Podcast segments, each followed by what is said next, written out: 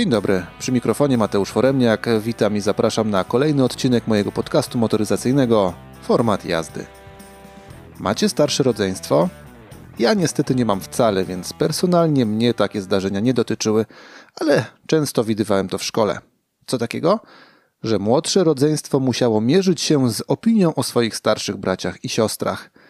Pal sześć, jak nasz braciszek akurat ogarniał temat i był pupilkiem nauczycieli – Wtedy można było nawet co nieco zyskać. Gorzej, jak przykładowy Krzyś był leniem, łobuzem, albo robił coś innego, co niekoniecznie budziło podziw grona pedagogicznego. Chociaż w sumie w jedną i w drugą stronę bywało to problematyczne. Albo trudno było spełnić oczekiwania, albo odkleić negatywną łatkę. Ten drugi przypadek wypisz, wymaluj dotyczy samochodów od producenta, który dostarczył model do tego testu.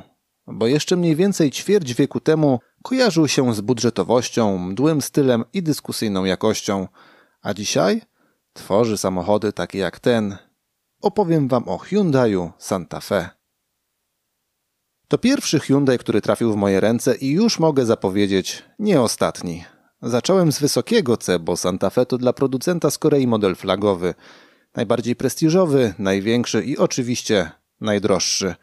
No właśnie, cena. Zazwyczaj wspominam o niej na koniec, aby nie narzucać za mocno perspektywy finansowej w ocenie samochodu. Tym razem zrobię jednak pewien wyjątek, bo to jest sprawa, która w przypadku tego samochodu bardzo mocno rzutuje na jego odbiór przez wiele osób. Dosłownie w momencie przygotowywania tego odcinka Hyundai zaktualizował swoje cenniki. Przynajmniej teraz, na początku 2023 roku, za najtańszy egzemplarz Santa Fe trzeba będzie wyłożyć 188 tysięcy złotych.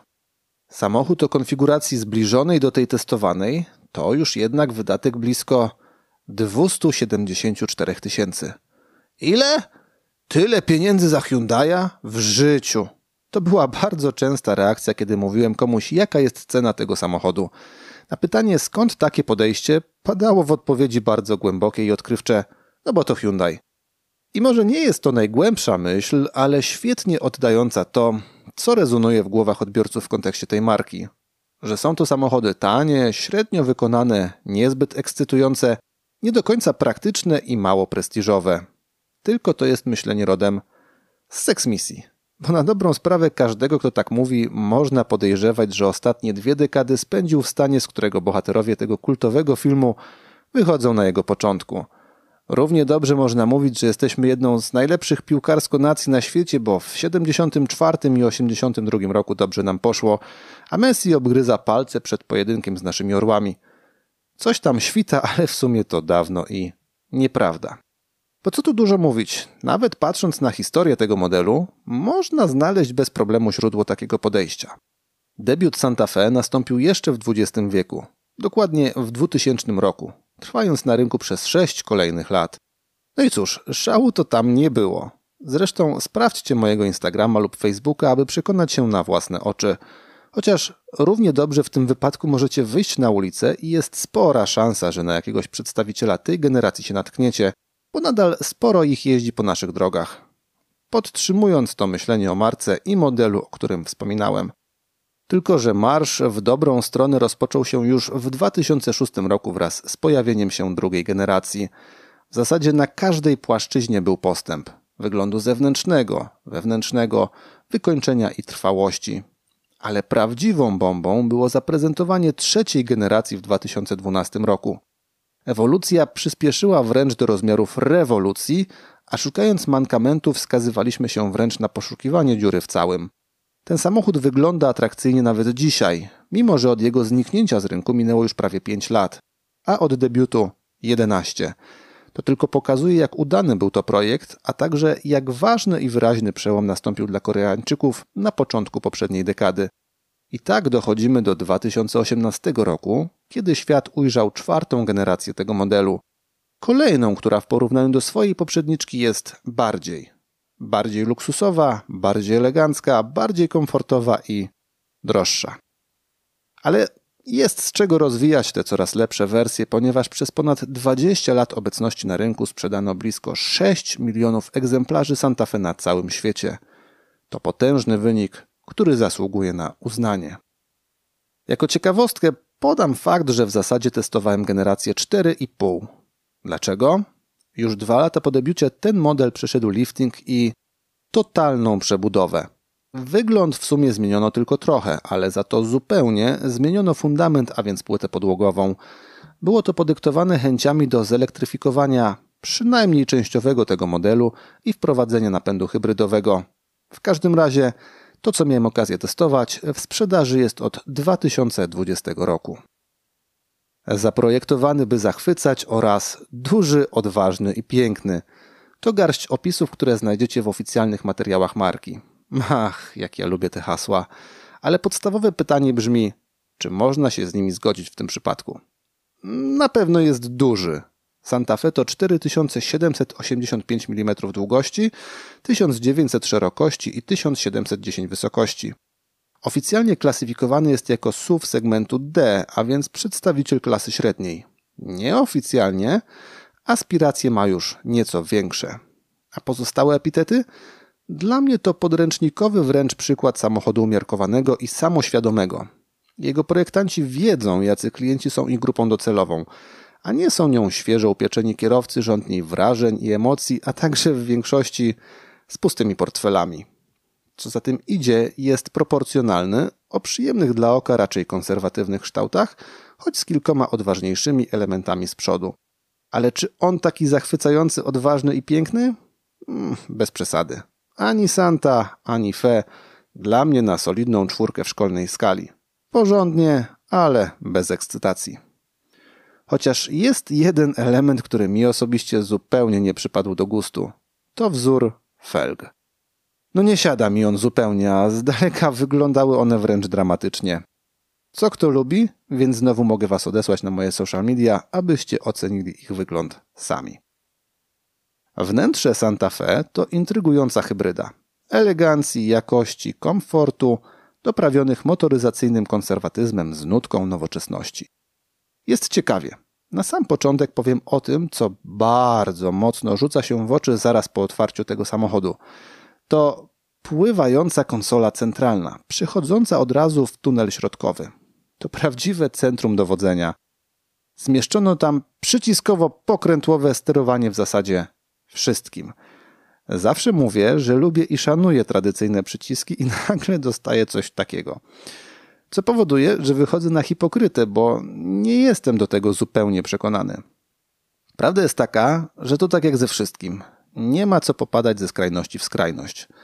Jedną z nich są samochody zupełnie przycisków pozbawione. Z drugiej Santa Fe. Ile to jest dla mnie dużo przycisków? 39 upchniętych na jakiejś połówce metra kwadratowego. To rozwiązanie jest mocno niejednoznaczne, bo w sumie są to przyciski, więc spoko. Jest ich masa, więc nie bardzo. Ale po przeżyciu pierwszego szoku orientujemy się, że są całkiem sensownie i logicznie poukładane. Więc znowu spoko. Tylko zaraz odkrywamy, że skrzynia biegów to jakiś meleksowy wynalazek polegający na wciskaniu, a jakże guziczków z odpowiednimi literkami. Tylko ktoś postanowił, że będzie fajnie, jak wsteczny da na górze, a ten do jazdy do przodu na dole. No, w mojej ocenie mało intuicyjnie, bo przy przyciskach każdy chciał D wciskać na górze. Ale pewnie miało nawiązywać do zwyklejszej skrzyni, gdzie D mamy na samym dole. Ale aby było śmieszniej, w tej całej masie jeszcze nie wszystko zmieszczono. Nie ma tam na przykład miejsca na elektryczny hamulec postojowy, który przeniesiono na lewo od kierownicy w okolice ustawień świateł. Tak, wiem, przy automacie to się aż tak bardzo nie przydaje, chociaż akurat w przypadku tego samochodu można trochę polemizować. Dodatkowo trochę jak satelity nad cywilizacją przycisków krążą sobie jeszcze dwa inne. Ten od świateł awaryjnych i ten od uruchamiania silnika. A można było zrobić to wszystko razem i mielibyśmy piękną, parzystą liczbę 42. Ale może w Korei 39 jest liczbą szczęścia, a 42 już nie. W sumie nie wiem, tak sobie to tylko tłumaczę. Dobra, więc to rozwiązanie jest niejednoznaczne, chociaż trudno nie odnieść wrażenia, że chęci były dobre i szykowane pod wspomnianego klienta docelowego. Takich rozwiązań jest zresztą jeszcze kilka i nie wszystkie, podobnie jak ta konsola, przyniosły oczekiwany efekt. Bardzo konserwatywna była kierownica, która bardziej pasowałaby do trzeciej a może nawet i drugiej generacji. Prosta, estetyczna, przejrzyście wyglądająca i pewnie leżąca w dłoniach. No ale naprawdę, niezbyt przystająca do roku 2022 lub 2023, tym bardziej, że Hyundai ma bardzo fajnie zaprojektowane kierownice, które stosuje w swoich innych modelach. W temacie tych dobrych chęci i umiarkowanych efektów. Pod tym pływającym centrum dowodzenia znajduje się sporych rozmiarów półka, która wygląda na całkiem łatwo dostępną. No właśnie, wygląda. Tylko w praktyce, jak już wsiądziemy, średnio mamy jak się do niej dostać. Próbowałem sobie to tłumaczyć tym, że jestem wielki, przynajmniej wzrostem, i zwyczajnie wpisałem się w ten 1 lub 2% użytkowników, których Koreańczycy spisali trochę na straty z powodu ponadnormatywnych gabarytów. Ale moja teoria upadła, kiedy sprawdzała to moja żona. Gabarytów raczej drobnych. Kłopot nadal był, a szkoda, bo ta półka jest spora, dodatkowo dysponuje gniazdem 12V i jednym z przednich wejść USB. Kolejnym przykładem z tej serii czyli dobre chęci, umiarkowane efekty, jest zastosowanie w tym samochodzie miejsce na telefon połączone z ładowarką indukcyjną. Przygotowano tam coś na kształt Walkmana.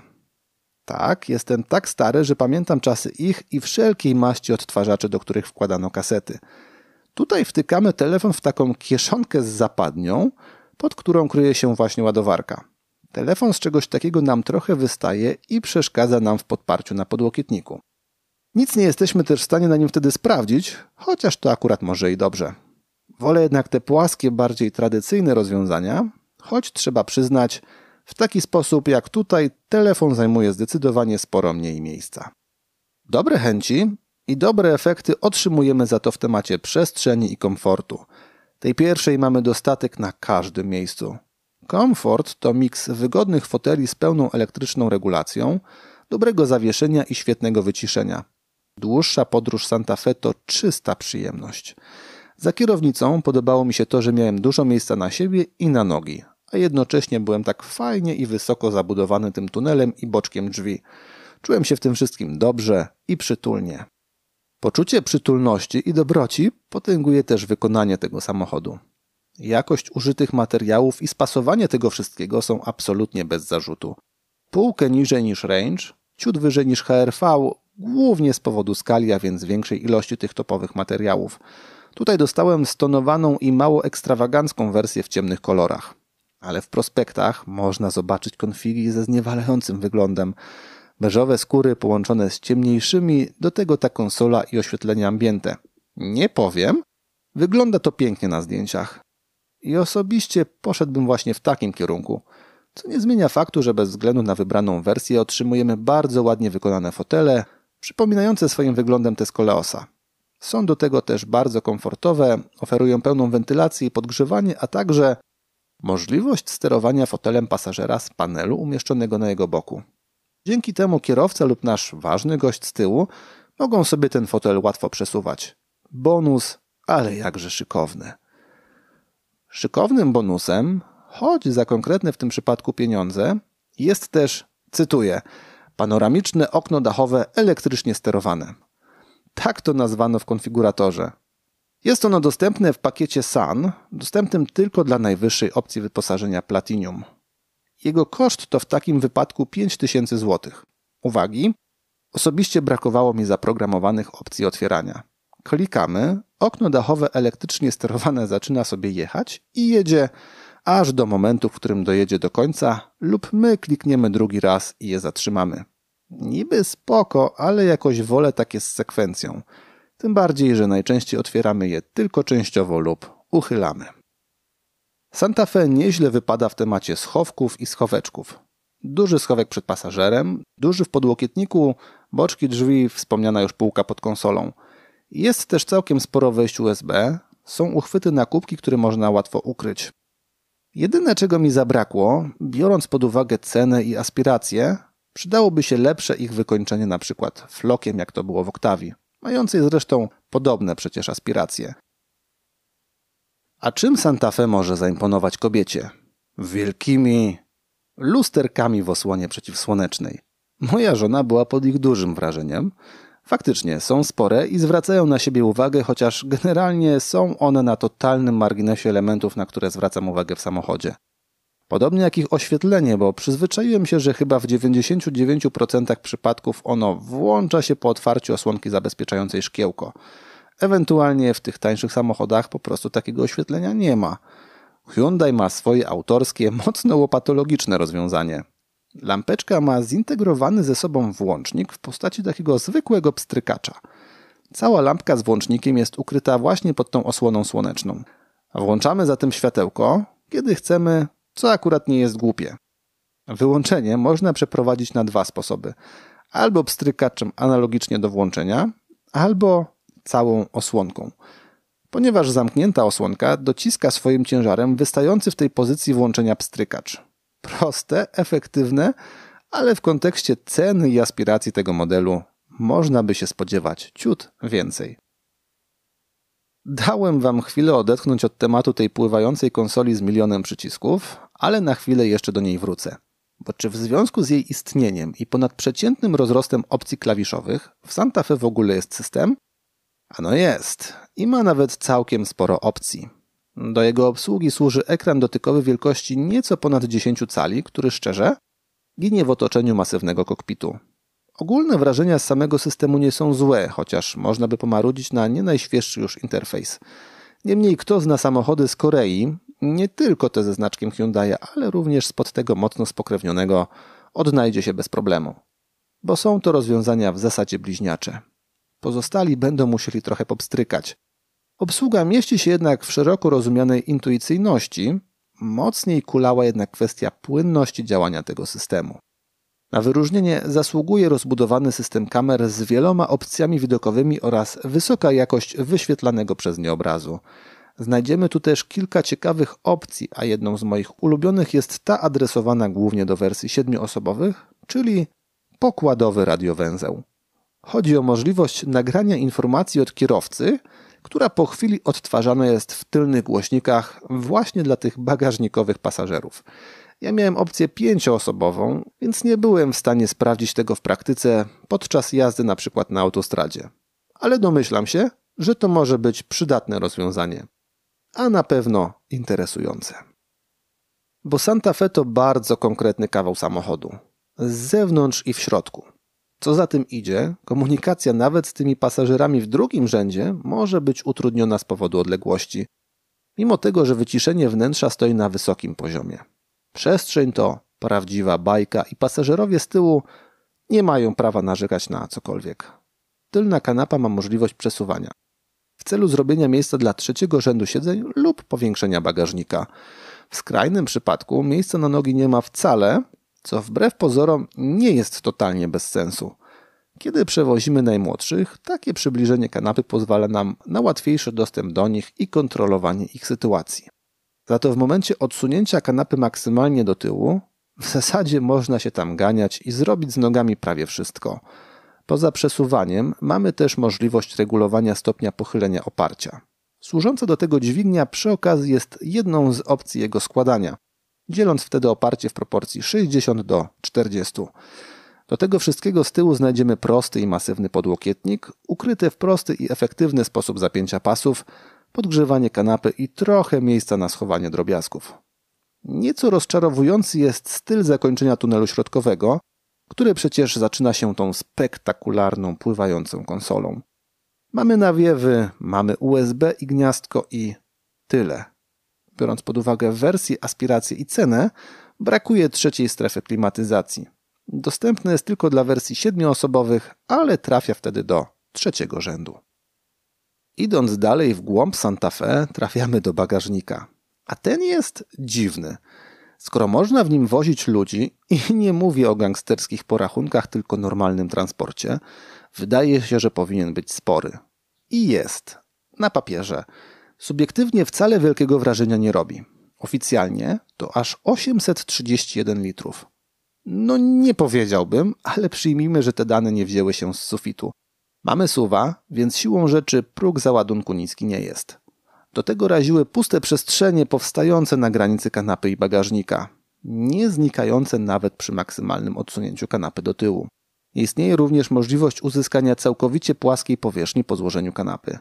Same sobie pozostawiono też nadkola w bagażniku, które w wielu innych samochodach są choć trochę zaopiekowane, tworząc na przykład fajną przestrzeń na drobiazgi. I właśnie takiej organizacji najmocniej mi brakowało. A jedyną namiastką był obszar pod podłogą, gdzie zmieszczono trochę akcesoriów awaryjnych. Do tego zostawiona sama sobie roleta. Proste uchwyty, brak prowadnic, jest co ma nie być. Aby nie było, są też fajne dodatki jak siatka z haczykami do przytrzymywania mniejszych pakunków oraz elegancka torba na kabel do ładowania. Generalnie jednak ten obszar transportowy robił najgorsze wrażenie w całym wnętrzu Santa Fe. To teraz z końca auta szybko przenosimy się na sam jego przód, bo tam kryje się teoretycznie jeden z największych atrybutów Santa Fe, a więc zespół napędowy. Jak on wypadł? Niejednoznacznie. Pod maską zawsze znajdujemy ten sam fundament. Benzynowy silnik o pojemności 1.6. Nieco różnią się jednak efekty końcowe. Do wyboru mamy hybrydę z napędem naprzód i mocą 230 koni mechanicznych, hybrydę z napędem 4x4 i mocą 230 koni mechanicznych oraz testowaną przeze mnie hybrydę plug-in 4x4 o sumarycznej mocy 265 koni mechanicznych. W testowanym wariancie producent deklaruje następujące dane – 350 Nm maksymalnego momentu obrotowego, setkę w 8,8 sekundy, prędkość maksymalną na poziomie 187 km na godzinę. Do tego akumulatory o pojemności 13,8 kWh, deklarowany zasięg tylko na prądzie ma wynosić 58 km, a średnie spalanie benzyny 1,6 litra na setkę. Co do tej ostatniej informacji. Ja się naprawdę dziwię, że coś takiego jest dopuszczane. Przecież to kłamstwo i zwyczajne wprowadzanie w błąd. Dziwię się, że nie jest to zakazane, a przynajmniej nie jest opatrzone jakąś gwiazdką w stylu do osiągnięcia na dystansie 100 km w mieście przy pełnym naładowaniu baterii i korzystaniu z trybu hybrydowego. Wtedy bym się nie czepiał. Jest to jednak informacja dotycząca ogólnego spalania i nie podoba mi się coś takiego. No ale dobra, zajmijmy się wynikami z praktycznego testu. Ten napęd jest fajny. Są jednak dwa warunki. Po pierwsze, nie oczekujcie wgniatania w fotel, co myślę dla większości chętnych na zakup Santa Fe nie powinno stanowić kłopotu. Jeździ się tym samochodem dostojnie i spokojnie. Drugi warunek. Ten samochód musi Wam służyć głównie w mieście. Gdzie wyciągacie maksa z elektrycznego wsparcia? I tu problem może być większy. No bo jak traktować Santa Fe głównie jako mieszczucha? Tym bardziej, że on sam pozycjonuje się bardziej jako krążownik szos, oferujący super warunki podróży w dłuższej trasie. Generalnie trudno, głównie ze względu na jego wielkość i małą praktyczność w mieście. Chociaż i tu Hyundai postanowił trochę wyjść naprzeciw, oferując Remote Smart Parking Assist, a więc system samodzielnego wjazdu i wyjazdu samochodu z miejsca parkingowego. Bez kierowcy. Opcja ciekawa, nawet przydatna na ciasnych parkingach, wymagająca jednak nadal sporego dopracowania. Pomijając zatem jego wielkość, w mieście ten samochód i napęd się bronią. Przez sporą część czasu możemy jeździć nim z minimalnym spalaniem. Na samym prądzie udało mi się wyciągnąć w zasadzie równe 40 km. Powiedzmy, że w granicach, których się spodziewałem przy deklaracjach na poziomie 58 km. Tym bardziej, że nie mamy możliwości zupełnego rozładowania baterii zawsze zostaje około 10% żelaznego zapasu. Ten zasięg jest na tyle duży, aby zaspokoić codzienne potrzeby transportowe większości potencjalnych kupców. Z prądu zrezygnować zupełnie się nie da, gdyż wspomniana rezerwa zostanie zawsze, a nawet przy oszczędzaniu prądu jest on wykorzystywany przynajmniej przy ruszaniu oraz do podtrzymywania systemów. Nie mamy możliwości przejścia tylko na tryb spalinowy. Możemy postawić na hybrydowy lub elektryczny, a w tym pierwszym przypadku wykorzystać prąd w większym lub mniejszym stopniu. Jeśli jednak prądu jest zbyt mało, do czasu odbudowania zapasów energii zostaje nam tylko tryb hybrydowy. No trzeba sporo pokombinować, aby znaleźć optymalny tryb jazdy w każdych warunkach. Jak to wypada, kiedy postanowimy w mieście ograniczyć rolę prądu? Zaskakująco dobrze, bo zużywamy wtedy około 7 litrów paliwa na setkę. Kolejne pytanie, które się pojawia: ile czasu potrzebujemy na uzupełnienie zapasów prądu. Przy pomocy szybkiej ładowarki podobno około 50 minut. Wallbox to mniej więcej 4,5 godziny, a gniazdko domowe, no w takim przypadku potrzebujemy już około 12 godzin. Powinno się więc udać naładować go do pełna po powrocie z pracy. Ruszając w trasę można czuć i radość, i pewną dozę niepokoju. Radość, bo pod względem komfortu Santa Fe plasuje się naprawdę wysoko. Prowadzi się zaskakująco dobrze, trochę się buja ze względu na swoją wielkość, jednocześnie jest też dosyć sztywny, zaskakująco zwinny i reaktywny na ruchy kierownicy. Do tego wszystkiego dochodzą absolutnie świetne systemy asystujące. Nie boję się tego powiedzieć. Hyundai oferuje jedne z najbardziej kompletnych, najlepiej dopracowanych i przewidywalnie działających systemów. Aktywny tempomat i asystent prowadzenia. Muszę przyznać, że w tym względzie chyba pierwszy raz poczułem, że może to działać na tyle sensownie, aby z tego korzystać. Zresztą systemów jest sporo i nie spotkałem się nawet z jednym ich odpałem. Alarm dźwiękowy o ruszaniu samochodu przed nami. Możliwość uruszania tylko przy pomocy tempomatu wyświetlanie obrazu z martwego pola na kokpicie, asystent bezpiecznego wysiadania blokujący drzwi po wykryciu ruchu innego pojazdu, czy czujniki ruchu na tylnej kanapie, które alarmują nas po zamknięciu i odejściu od samochodu, że ktoś w nim został. Jest tego masa i tak jak mówiłem, świetnie działająca i tutaj należą się wielkie i zasłużone brawa dla Hyundai'a. Ale miało być o trasie, a ja się rozgadałem o systemach, więc czas wrócić na drogę warto przed wyjazdem gdziekolwiek pochylić się trochę nad ustawieniami trybów jazdy. Do wyboru mamy ich sześć. Bardziej codzienne Eco, Smart i Sport oraz trzy bardziej terenowe śnieg, błoto i piasek.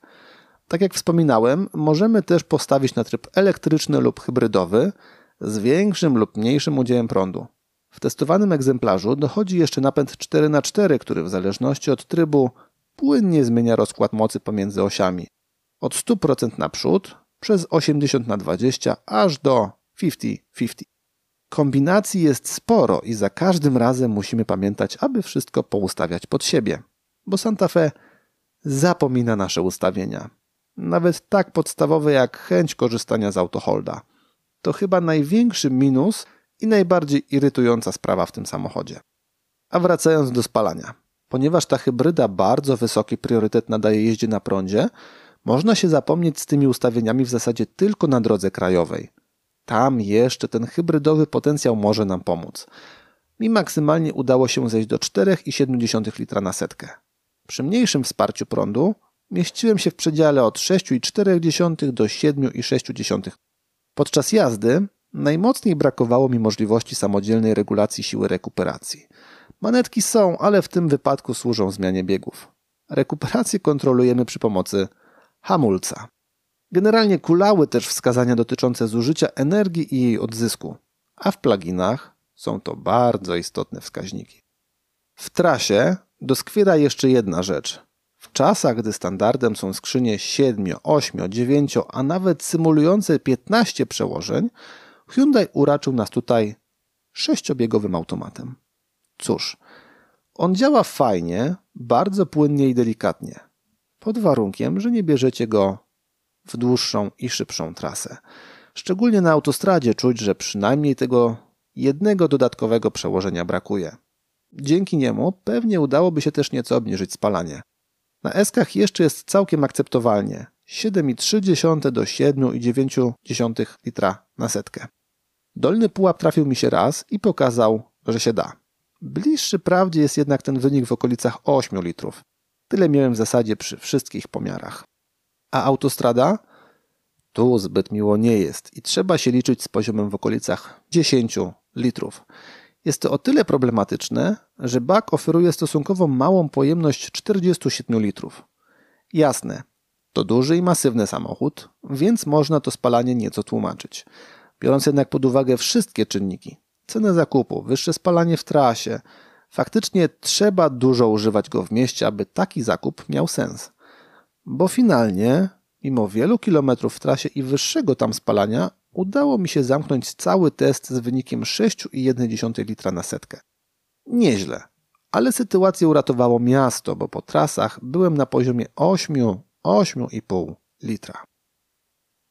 Podsumowując całą przygodę z Santa Fe, to naprawdę kawał, dosłownie i w przenośni porządnego produktu motoryzacyjnego. Samochód przemyślany, komfortowy, świetnie wyposażony i elegancko wykonany. Z marginalnymi niedociągnięciami. Nie dla każdego, choć głównie ze względu na zróżnicowane potrzeby, gusta i możliwości finansowe. Bo obiektywnie, jeden z lepszych, z którymi miałem styczność. Hyundai przyklepuje nim swoją pozycję w topie producentów aut. Bo tak dzisiaj jest, czy to się komuś podoba, czy nie. Koreańczyków należy docenić, bo dosłownie w dekadę z okładem wykonali kolosalny skok jakościowy. Że to szybko, pokazują nadal obecne reakcje wielu osób, które krzywią się na ceny i pozycjonowanie Hyundai aż tak wysoko. Niesłusznie. Na początku tego odcinka stawiałem pytanie, co sądzicie o cenie w okolicach 300 tysięcy za model tego producenta? Zadawałem sobie podobne, kiedy jeździłem tym samochodem. Moje wnioski? Warto. Oczywiście, wolałbym obciąć te procenty, o które podrożał w ciągu ostatnich dwóch, trzech lat. Realia rynkowe mamy jakie mamy, a w tej cenie Santa Fe oferuje w zasadzie wszystko. I to w ciekawej, świetnie działającej formie. W tym odcinku to już wszystko z mojej strony. Serdecznie zapraszam do kontaktu oraz słuchania kolejnych odcinków. Pamiętajcie też, aby obserwować format jazdy na Instagramie i Facebooku. Dziękuję za uwagę i do usłyszenia.